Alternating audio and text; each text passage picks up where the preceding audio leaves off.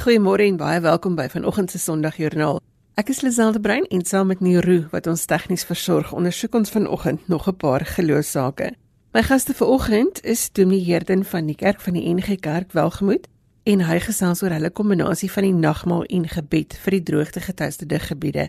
Ek gesels ook met Dr Wouter van Wyk, die sekretaris van die kommissie van die algemene kerkvergadering van die Nederduits Hervormde Kerk.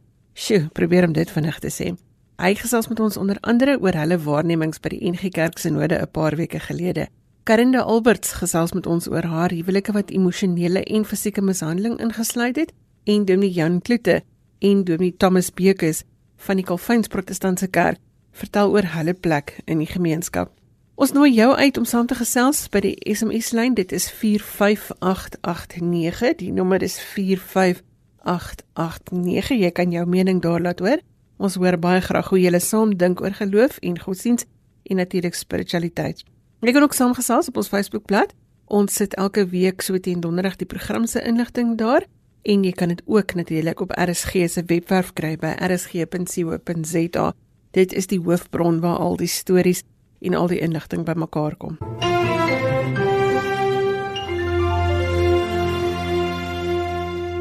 Die meerderheid van die kerk is van die NG gemeente Welgemoed en ons gesels vanoggend oor die nagmaal en oor hoe hulle dit gebruik om in die gemeenskap 'n verskil te maak. Goeiemôre Herden. Goeiemôre Lisel en baie dankie vir die geleentheid.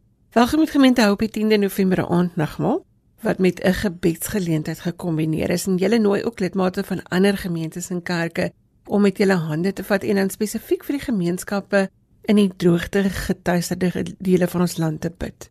Vertel ons 'n bietjie daarvan. Lazel, die inisiatief het van 'n gebedsgroep in ons gemeente gekom. Hulle het na ons bedieningskommissie gekom en hulle het gevra dat ons regtig dit ernstig sal oorweeg om tydens ons aanddiens die 10de November om 18:30 die aandnagmaal geleentheid met 'n gebedsgeleentheid te kombineer. Nou dit was baie interessante versoek. Hulle het gevra dat ons asseblief ruimtyd sal afstaan vir gebed en dat ons spesifiek sal bid vir die boere en hulle gesinne, die werkers en hulle gesinne, die gemeenskappe in en om die dorpe en besighede wat ernstig deur die droogte geraak word. Ek dink almal is bewus daarvan dat uh, die uitmergelende droogte op baie plekke reeds vir etlike jare al duur.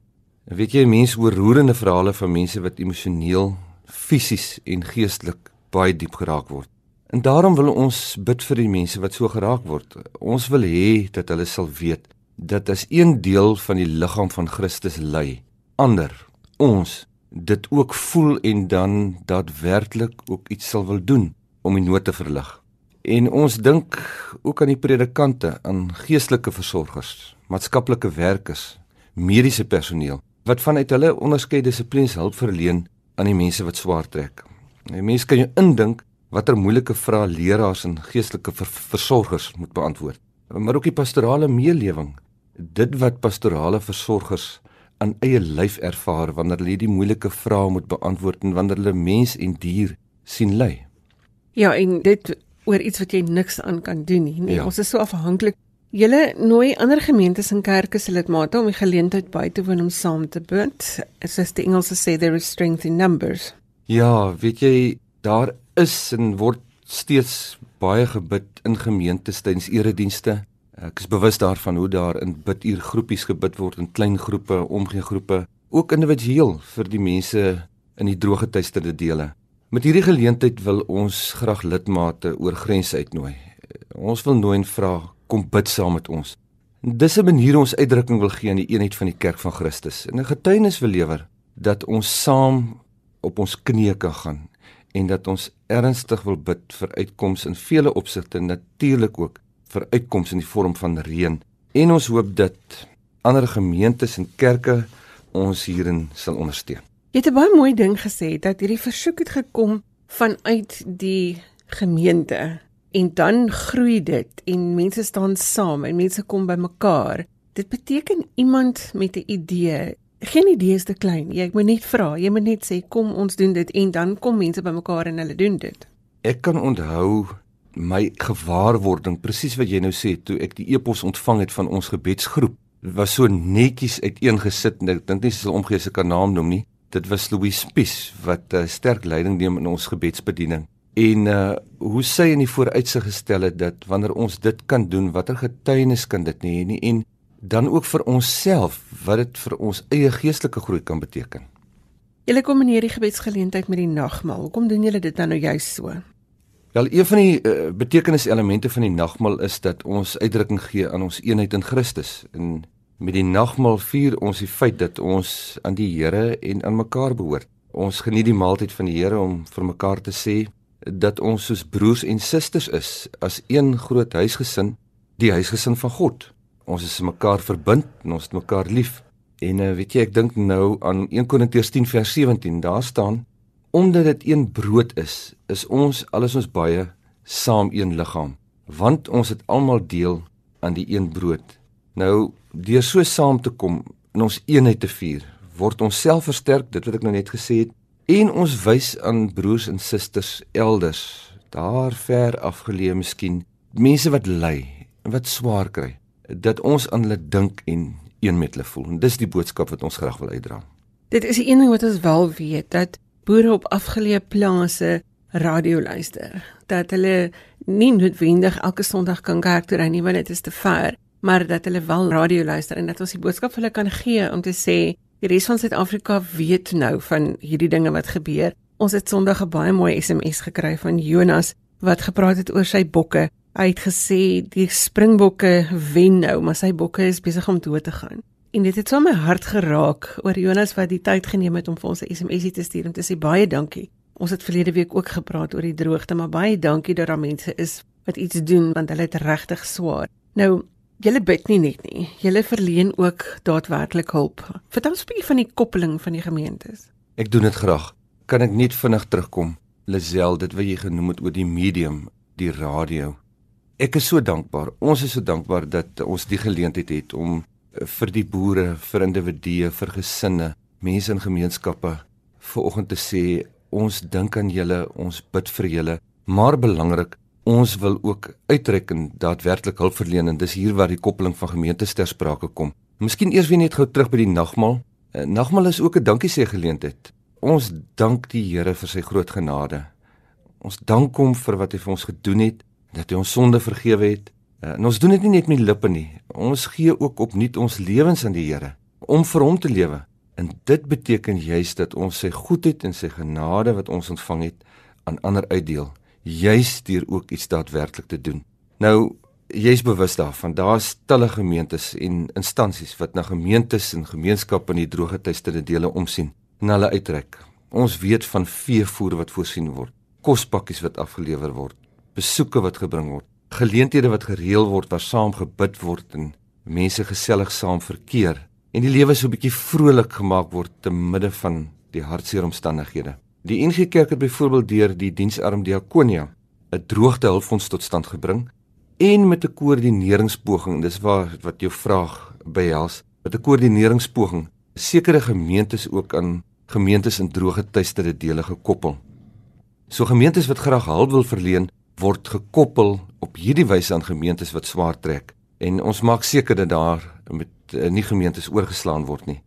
En daar is alreeds wonderlike inspirerende verhale van gemeentes wat uitreik in mense wat op 'n nuwe, dieper manier op 'n medemenslike vlak by mekaar uitkom en daarvoor is ons dankbaar. Ons is weer terug by wat dit beteken vir persone wat uitreik, wat in die motor klim, wat etlike honderde kilometer ry met kos, wat 'n geleentheid reël en wat mense ontmoet en verhale hoor mense bemoedig en saam met hulle bid en die gemeenskap van die gelowiges wat konkreet op hierdie wyse gestalte kry. En ons hoop in ons gebed is dat dit juis ook so sal uitwaier en dat hierdie poging naas al die ander ook juis daartoe sal bydra. Hierin jy het genoem dat mense wat moet versorging lewer, jong predikante, dat hulle swaar trek want partykeer is dit die eerste keer wat hulle nou met hierdie absolute absolute desperaatheid gekonfronteer word. As ek en jy nou vir oggend 'n boodskap kan gee vir die ouens wat luister, wat sal dit wees? Lisel, ek uh, dink aan my dae as 'n jong leraar en wanneer daar traumatiese gebeure in mense se lewens plaasvind, die geweldige druk wat jy ervaar en watter tol dit ook kan eis ten opsigte van jou eie gesondheid, jou geestelike lewe selfs. En die boodskap wat ek graag vir eh, jonger kollegas maar ook ander kollegas sal wil gee in die omstandighede is die volgende. Weet net dat daar op talle en talle ander plekke in die land baie gemeentes en ek het net nou verwys na omgee groepe waar gebid word, tens eredienste waar gebid word, individuele groepe of individuele persone dat daar vir julle gebid word dat uh, julle nie vergeet word nie om die liefde te deel en te laat weet dat niemand staan alleen nie. Ja. Here baie dankie vir die saamgesels vanoggend. Ons het gesels met Dominee Herden van die kerk van die NG gemeente Welgemoed en ons het 'n bietjie gesels oor hoe hulle die nagmaal kombineer met die uitreik en gebed vir 'n tyd van droogte. Herden ons wil dalk nader aan Paasfees 'n bietjie meer in diepte gesels oor die nagmaal as sakrament. Maar baie dankie vir die saamgesels vanoggend. Ek doen dit baie graag. Dankie Lisel.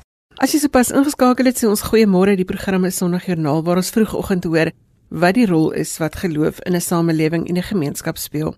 Gemaak gerus 'n draai op RSG se webblad by rsg.co.za. As jy 'n naam of 'n nommer gemis het, kan jy vinnig daar gaan kyk met wie ons gesels het en wat hulle besonderhede is. Karinde Alberts het haar 3 keer in huwelike bevind waar sy fisiek en emosioneel mishandel is. Ons is pas deur 'n maand waar ons die kolle op geestesgesondheid laat val het en ons hoor vanoggend by haar hoe sy haarself hier uitgekry het. Goeiemôre Karinde. Goeiemôre Lisel. Wanneer 'n mens trou aan iemand beloof dan dink jy jy's veilig en gelukkig vir altyd. Hoe het dit by jou gewerk?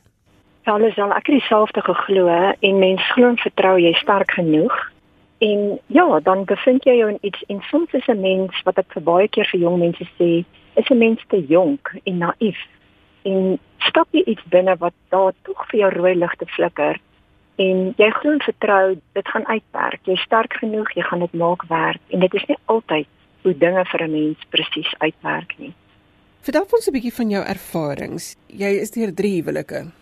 Dis al ja, daar is soveel dinge waarna 'n mens moet oplet as jy sê ervarings ja, ek kan baie ervarings deel, nie die tyd is seker te kort, maar mens moet oopkop en ek wil amper sê nie met jou hart in iets instap nie. Dit was 'n baie baie seer tyd, veral na die eerste egskeiding. Ek was bitter jonk, te jonk wil ek amper sê. En dan stap 'n mens in iets binne en jy glo dit gaan werk. Jy kan as individu hierdie iets verander waar jy sien waar gevaartekens is. En dan beland jy op 'n plek waar jy so afgebreek word. Waar ek in daardie stadium baie baie emosioneel, maar ook fisiek en fisies heeltemal heeltemal geknak was en seer gemaak was. Maar ja, mense het tyd nodig om oor al hierdie dinge te praat en ek weet ons tyd is beperk. Ek wil gou ja. as ons mag stil staan by die gevaartekens. Jy het gesê dat in jou eerste huwelik het jou pa vir jou gesê my kind iets is nie reg nie en jy het gekies om dit te ignoreer. Wat was daai gevaartekens wat in elkeen van hierdie situasies uitgestaan het waarvoor mense moet uitkyk? Dit is 'n baie goeie vraag. Dankie Lisel en ek dink dit kan elke luisteraar help. Leer ken die persoon en dit is wat my pa geplaai want ek het minimaal met hierdie persoon te doen gehad. En wanneer ek hom gesien het, was dit verskriklike laat ure, kort tydjies en ons het nie regtig eintlik mekaar leer ken nie. En dit is die groot ding wat vir my pa gevang het wat hy gesê het daar's net iets in hierdie man wat hy nie kan pyl nie. En sy vraag was altyd hoekom kom hy so laat in die aande bly vir 'n klein rukkie en gee pad nie. Dit is 'n baie baie belangrike iets om na te kyk, 'n rooi lig. As jy die persoon nie goed leer ken, as die persoon nie oop is in kommunikasie en waar daar gereelde gereelde ek wil amper sê gesprekke gevoer kan word. En wanneer 'n mens regtig die persoon kan in diepte leer ken, nie, is dit 'n rooi lig. Wees baie baie versigtig. Jy het ook vertel dat jou tweede man baie kwaai was. Ja, weet jy dis dit was ander omstandighede. Ek kan nie dit met die eerste vergelyk nie. As gevolg van omstandighede waardeur hy is, het ek dit later van tyd het ek dit beter begryp en verstaan. Hy is deur omstandighede wat ja, wat mense nie eintlik van dit nie sommer openbaar in die openbaar se bespreek nie. Maar waar hy ook as individu baie baie seer gekry het op 'n pad. Daardie was vir my amper meer aanvaarbaar as ek dit so kan stel, nie dat dit aanvaarbaar was nie. Maar sy gedrag was nie so, hy was nie fisiek nie. Dit was meer ek wil sê sy gedragspatrone was meer uit seerkry uit sy verlede en deur verskriklike trauma waardeur hy was. So ek kan dit nie opmeet nie teenoor die eerste een nie. As jy my hart hoor. So daar moet 'n mens ook versigtig wees. Kyk na 'n persoon se agtergrond. Kyk na trauma waardeur hulle was. Want dit speel 'n verskriklike groot rol in jou toekoms ook. Watter rol het geloof vir jou gespeel in jou omstandighede? Jy sê drie huwelike wat dit vir jou baie moeilik was, maar waar het jy begin om aan geloof vas te hou en watter verskil het dit gemaak? Ja, weet jy sal wanneer mense diep seer kry. Ek is so groot gemaak kleintyd af het ek 'n baie spesiale band en verhouding met my Skepper. En geloof was nog altyd altyd my grootste grootste ek wil amper sê deurbraak om as 'n oorwinnaar uit te stap. Ek het in 'n baie sterk gelowige huis groot geword en daar is beginsels en dinge vasgelê wat 'n mens jou fondasies opbou. En dit het my gered elke keer my geloof. Want my ouers se geloof het my geleer om alles deur geloof deur te bid en te glo dat jy as 'n oorwinnaar wel deur elke oorlogssituasie as ek dit so kan stel, heel ander kant gaan uitstap. Ek het baie gebid elke keer en ek het woord toegekeer en gesê Vader, u woord, Jesus U is die woord, leer vir my meer uit u woord uit. Wat verwag u van my? Jy weet Lisel en dan is dit ook baie belangrik om jou deel in die situasie ook te kan aanvaar en te besef maar jy het ook 'n fout gemaak. Al was dit net dat jy naïef was of dat jy te haastig was of te onervare was om in iets in te stap. Jy kan nie altyd al die skuld op die ander party ook pak nie. Baie keer is ons self aandadig vir ons eie foute as gevolg van verkeerde keuses. Ek kom weer terug, jy sien rooi ligte, jy verontagsaam dit en dit is wat ek vir die luisteraars wil sê, let op, wees waaksaam, bid oor die situasie En as die Heilige Gees en nie as nie hy gaan wanneer jy in diepte bid met jou praat en jou waarsku. Luister. En hoe seer en hoe swaar dit ook al is, beweeg weg en stap uit. Karinda, as ek nou mag vra, Wat is jou boodskap vir vroue wat hulle self nou in sulke omstandighede bevind waar hulle dalk fisiek of emosioneel mishandel word en dan kan ons sê hulle is dalk met 'n psigopaat getroud of 'n narcissus wat ook al die naam is wat ons daarin wil gee, wat ook al die geestesgesondheid is wat 'n rol speel in 'n mishandelde verhouding. Wat is jou boodskap vir vroue? Vir elke vrou wil ek vandag sê, maar ek loop nie net vir die vrouens nie, as ek mag self selfs so 'n manne wat in dit vasgevang is. Gaan kry hulp. As ek sê kry hulp, praat met 'n persoon wat geestelik baie sterk is en 'n persoon wat jy regtig kan vertrou en dit nie 'n kinderstorie van gemaak of hoe kan ek sê partydig is en net na jou kant van die saak beluister nie. Praat met 'n persoon wat onpartydig is, wat al deur die lewe is met sekere ervarings en 'n persoon wat jy regtig op kan staat maak want om alleen deur hierdie situasie te worstel. Glo my, ek was daar. Bied geen oplossing nie.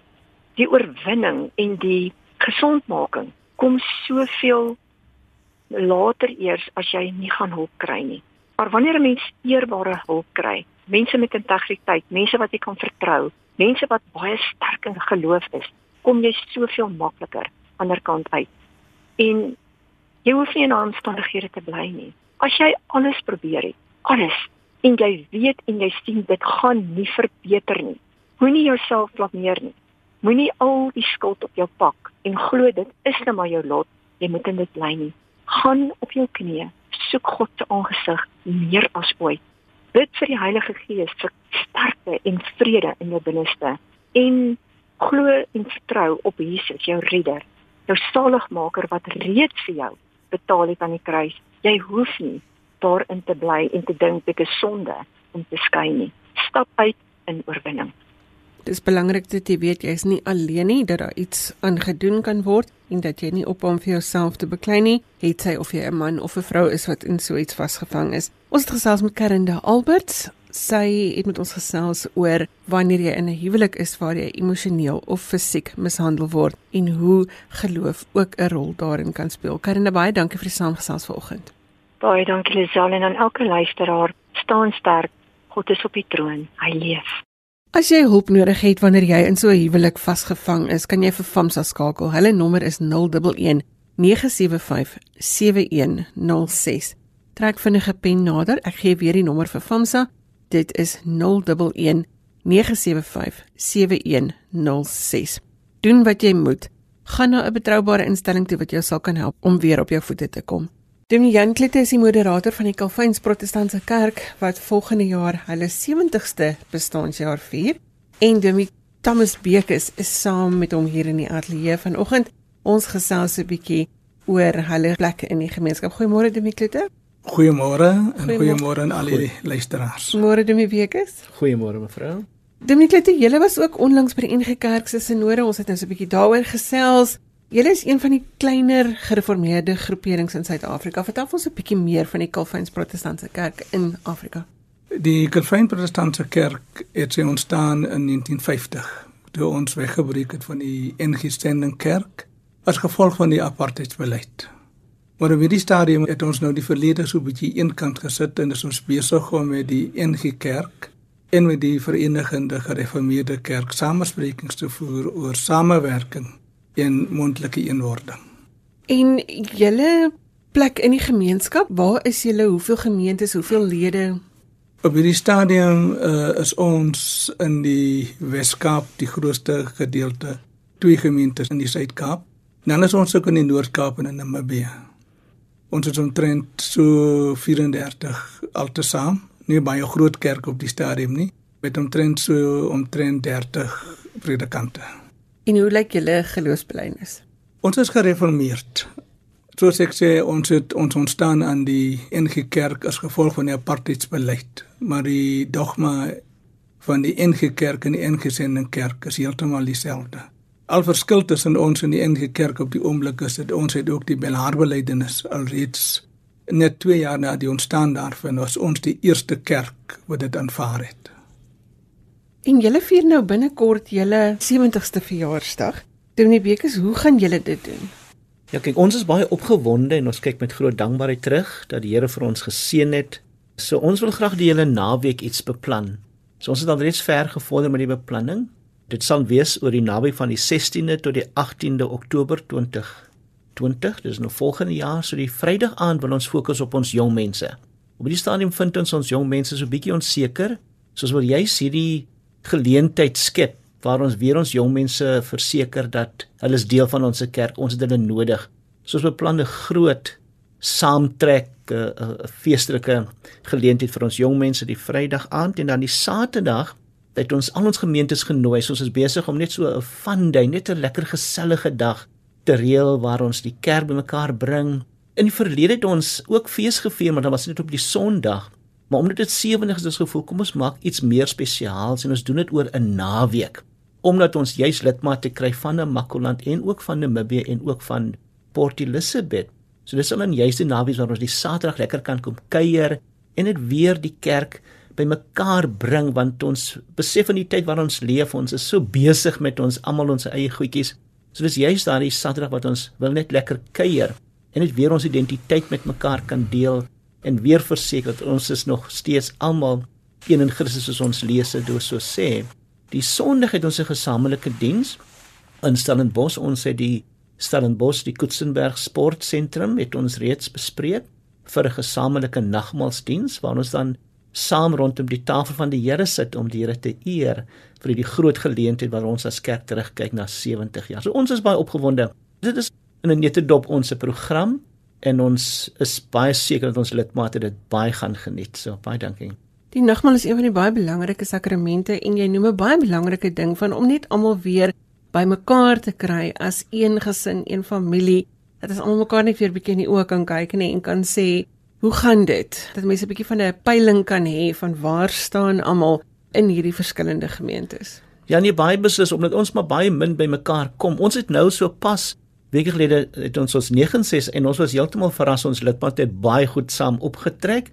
So ons is nog meer opgewonde dat ons weet ons 70ste gaan weer 'n groter geleentheid wees waar ons net weer kan interaksie het soos ons sê in Engels to connect the unconnected. So ons is opgewonde. Dis in 2020 so daar's nou nog tyd om te beplan as jy moet ver ry van as jy moet ver kom om al jou beplanning te doen daarvoor. Demiklute as ek mag vra, julle plek in die gemeenskap, Dominee Bekes het nou verwys daarna dat die jong mense die gemeenskap partykeer dalk 'n bietjie onseker is van hulle plek, maar julle reik ook uit saam met die Christian Women's Action werk saam met die gemeenskap. Vertel ons 'n bietjie daarvan. Nou so 'n tyd gelede het hulle met ons 'n afspraak gemaak. Hulle het eintlik uit ons uit ons geleedere ontstaan. Die ontstaan was eintlik in ons gemeentetjie in Eerste Rivier. En ons het nou verlede week het ons die voorreg gehad om saam met die Christian Women Action met die premier van Weskaap 'n ontbyt het waar ons ook weer met mekaar begin gesels het en gesê het dat ons graag die pad met julle verder wil saamloop. By die stadium is daar 'n bespreking dat ons in ons gemeente soos in Tiervlei en soos in Betroosfontein die kinders wat 'n bietjie buitekant is om hulle te help met leesprogramme en om hulle te help om veilig by die skool te kom. Ons beplan om om ook met die NG Kerk aan uit te ry kom te kyk of hulle sal saam met ons staan om hierdie projekte wat ons in ons gemeenskap het om saam met ons die pad te loop. Ons het 'n memorandum of understanding met die Women Action en ons gaan ook nou probeer om met die NG Kerk as ons besig is met die Verenigde Gereformeerde Kerk om op hierdie vlakke met mekaar saam te werk. Waar het die Christian Women's Action hulle uh, ontstaan vandaan gehad? Wat was die motivering? Toe Valencia Farmer vermoor was en wat daarmee gepaard gegaan het, het 'n groepie vroue in die gemeente en in die gemeenskap het hulle besluit om dan hierdie aksie te volg waar hulle dan bereid is om vir vroueregte en vir kinderregte uit te staan en daarom is ons eintlik trots om saam met hulle hierdie pad te loop. Demi Bekes, jy het nou genoem dat jy op 'n Vrydag aand juis vir die jong mense 'n spesiale geleentheid gaan hê. Die realiteit is dat dit 'n onveilige omgewing is vir kinders om groot te word, nee. Dit is nodig dat hulle beskerm moet word. Daar's dwelms, daar's drank, daar's al hierdie goeders wat inspel op hulle lewe. Ja, baie beslis, dit is juis waar ons hierdie geleentheid skep. Kyk, ons het in al ons gemeentes ons jeugtakke. So hulle kom ook gereeld by mekaar. Maar ons wil graag die breë kerk se jong mense by mekaar hê. Ons wil natuurlik sprekers daarso hê wat ook bietjie praat om juis aan te spreek wat jy sopas gedoen het, die uitdagings waarmee ons jong mense worstel, maar ook geleenthede skep dat hulle net lekker kan ontspan met speletjies, baie ook goeie interaksie, maar dit is juis om hulle te laat verstaan dat daar is ruimte vir hulle in hierdie Kalvynse kerk, dat ons het hulle nodig, hulle is ons se toekoms en ons wil juis daardie geleentheid vir hulle kom verseker dat ons as ouers, as groter mense in die kerk ondersteun hulle en wil saam met hulle vorentoe die kerk verder neem. Ek wil amper sê Dit is so belangrik dat ons in hierdie dag en tyd vir mense moet sê julle staan nie alleen nie. Ons is hier, daar is 'n vangnet, daar is 'n reikenet uit. Hou aan beklei. Daar's 'n netwerk wat jou kan vang. Dit is absoluut belangrik want uh, sodra ons ons jong mense aan hulle eie lot gaan uit lewer en ook die vroue van vandag en die kerk wat eintlik die instansie moet wees wat 'n veilige hawe moet bied vir jong mense en vir kinders en vir vroue as ons nie op ons plek is en as ons nie wys dat die liefde wat God in ons hart geplaas het is 'n liefde wat wederkerig is vir God maar ook vir ons medemens. As dit nie gebeur nie dan dink ek nie die kerk kan regtig kerk wees as ons ons jong mense en ons kinders en ons vroue en oorlaat aan dit wat heidaglik gebeur in ons land. En so gesels Dominee Jan Kloete, hy is die moderator van die Calvins Protestantse Kerk en ons het ook gesels met Dominee Bekes wat gesels het oor die 70 jaar wat hulle volgende jaar gaan vier in Oktober 2020. Ek hoop dat ek voor daardie tyd nog 'n bietjie meer met julle kan gesels oor die gemeenskap, die rol wat geloof speel ook in julle gemeenskap. Baie dankie vir die saamgesels vanoggend. Baie dankie. Baie dankie. Ons waardeer die geleentheid dan. Ons waardeer dit. Baie dankie. Ons sê dankie vir almal wat kontak gemaak het van reg oor die wêreld, ook vir julle daar in Botswana en Swaziland, Namibië. Dankie vir almal wat saam luister en saam staan in 'n tyd soos nou.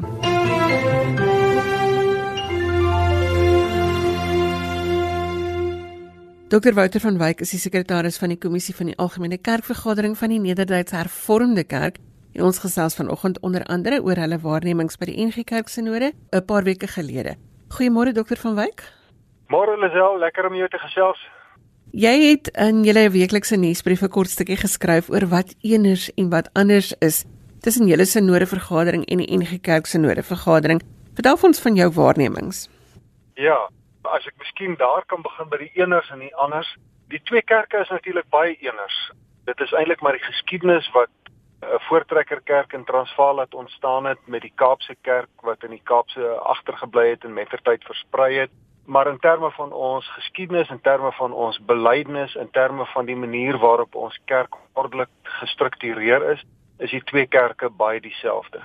Die verskille is eintlik maar doodgewoon aksentverskille maar die een belangrike verskil wat ook by die twee sinodes baie duidelik na vore kom is dat die NG Kerk is omtrent 10 keer so groot as die Hervormde Kerk en die gevolg daarvan is dat die NG Kerk 10 streeksinodes het wat dan mense afvaardig na 'n algemene sinode terwyl by die Hervormde Kerk is die algemene kerkvergadering 'n vergadering waar al die predikante en 'n ouderling van elke gemeente in die kerk bymekaar kom. So in daai opsig is die vergaderings dan 'n bietjie anderster my belewenis die afgelope week of wat want ons het ons algemene kerkvergadering einde September gehad en toe ek 2 weke later die algemene sinode van die NG Kerk bygewoon is dat die atmosfeer, die denke in die twee kerke regtig uh, in baie opsigte dieselfde is. Um en dat ons maar net 'n bietjie op 'n ander manier ons vergadering struktureer. Jy het genoem dat jy julle eie sinode gehad het voor net 'n paar weke voor dit. Hoe het julle agenda gelyk? Het julle oor dieselfde dinge gepraat? Ja, dit is nogal opvallend vir my gewees dat daar baie gemeenskaplike sake is waaroor ons uh, gesels het. Laat ek vinnig net sê die groot verskil tussen die twee sinodes is die Hervormde Kerk het hierdie jaar 'n kort agenda gehad. Ons het net 86 beskrywingspunte gehad. En die NG Kerk het in hulle algemene sinode 'n volle 12 beskrywingspunte gehad. So dit was nogal vir my 'n interessante kontras geweest. Die NG Kerk se algemene sinode was baie meer ingerig as 'n verslagvergadering. Met ander woorde, al die taakspanne wat opdragte gekry het, het in detail verslag gedoen van die opdragte wat hulle uitgevoer het en daai verslae is bespreek. Terwyl by die Hervormde Kerk uh, se algemene kerkvergadering het uh, ons eintlik maar meerendeels kennis geneem van die verslae wat ingebind is in die agenda en daar is gesprek gevoer oor beskrywingspunte wat dan van gemeentes en ringsvergaderings en amptenare ingestuur is vir die agenda van die algemene kerkvergadering. Dit voel vir my as 'n mens as 'n buitestander inkyk dat die enige kerk so 'n bietjie ingesluk word deur dieselfde geslagdebat. Julle het 'n ander debat op die tafel gehad in die vorm van geassisteerde selfdood. Dit was 'n belangrike saak op julle agenda as ek reg is. Ja, Lisel dat ek onmiddellik uh, miskien maar net sê as jy na selfde geslagverhoudings verwys, die Hervormde Kerk het uh, ook soos die NG Kerk 'n lang pad gestap uh, rondom daai saak, maar die Hervormde Kerk het in 2016 reeds 'n besluit geneem wat ek dink die saak tot berusting gebring het tot 'n groot mate in die kerk en wat ruimte bied vir almal in die kerk. En uh, namens die NG Kerk is ek ook baie dankbaar. Ek uh, wil hoop en glo dat die besluit wat nou by hulle algemene sinode geneem is, ook dieselfde mate van rustigheid in die NG Kerk sal bring. Ruimte sal bied vir almal ook waar mense nie met mekaar saamstem nie. Die saak van bystand dood waarna jy verwys, is 'n saak wat uit die gemeenskap uit na die kerke toe kom. Die ontwikkeling van die mediese wetenskap en die versorging van mense in verskillende omstandighede het ons by vrae gebring wat eenvoudig net nog nooit van tevore bestaan het nie. En nou gebeur dit baie dikwels dat uh medisy in die eerste plek te doen kry met pasiënte wie se lewensverwagting eintlik nul is, wie se lewenskwaliteit baie swak is en mense wat eintlik baie swaar lyding moet deurgaan ook met geliefdes wat magteloos langs die bed staan.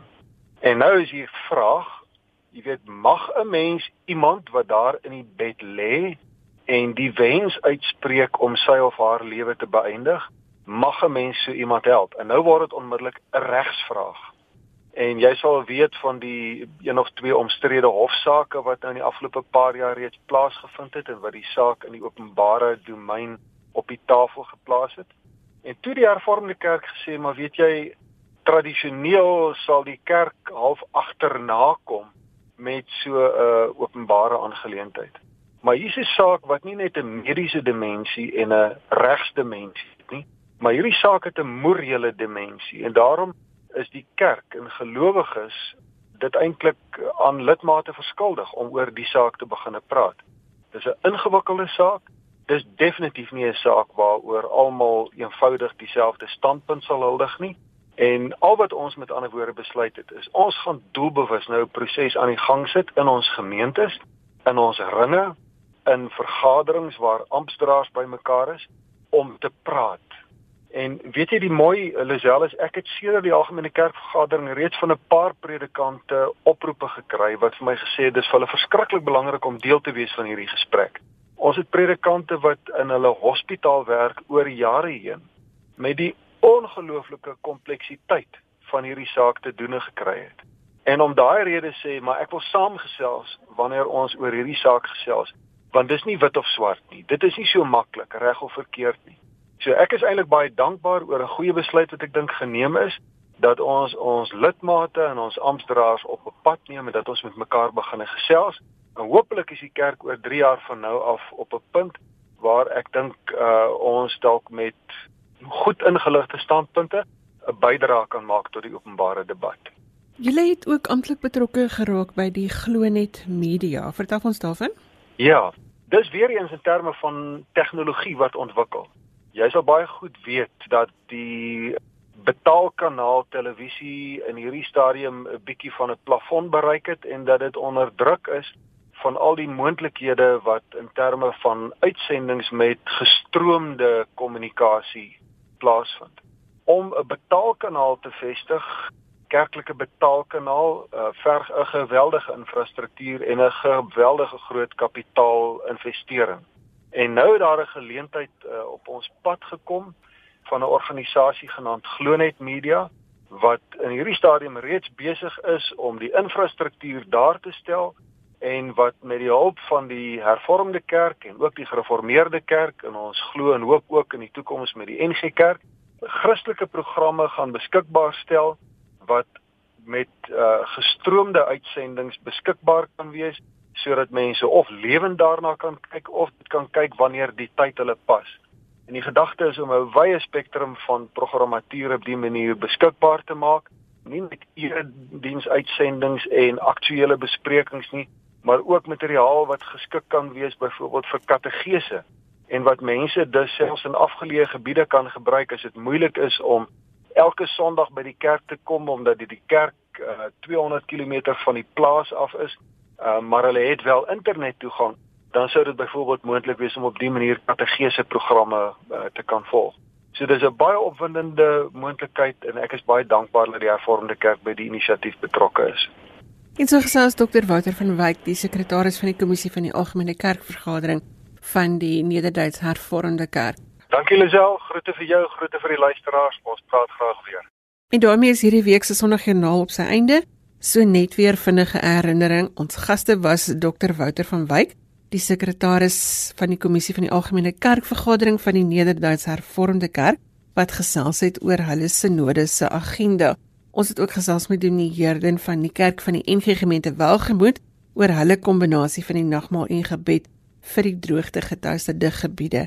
Karinde Alberts het gesels oor haar huwelike en die emosionele en fisieke mishandeling wat dit ingesluit het. En Dominee Jan Klute en Dominee Thomas Bekes van die Kalfyns Protestantse Kerk het gesels oor hulle 70ste verjaardagvieringe en hulle plek in die gemeenskap.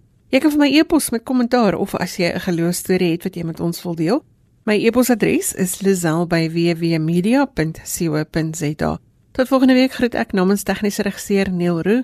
Wees bedag op mekaar en moenie veel opwerk oor iets waarin jy niks kan verander nie. Onthou jou gesindheid bepaal die rigting waarin jy beweeg. Tot volgende Sondag. Totsiens.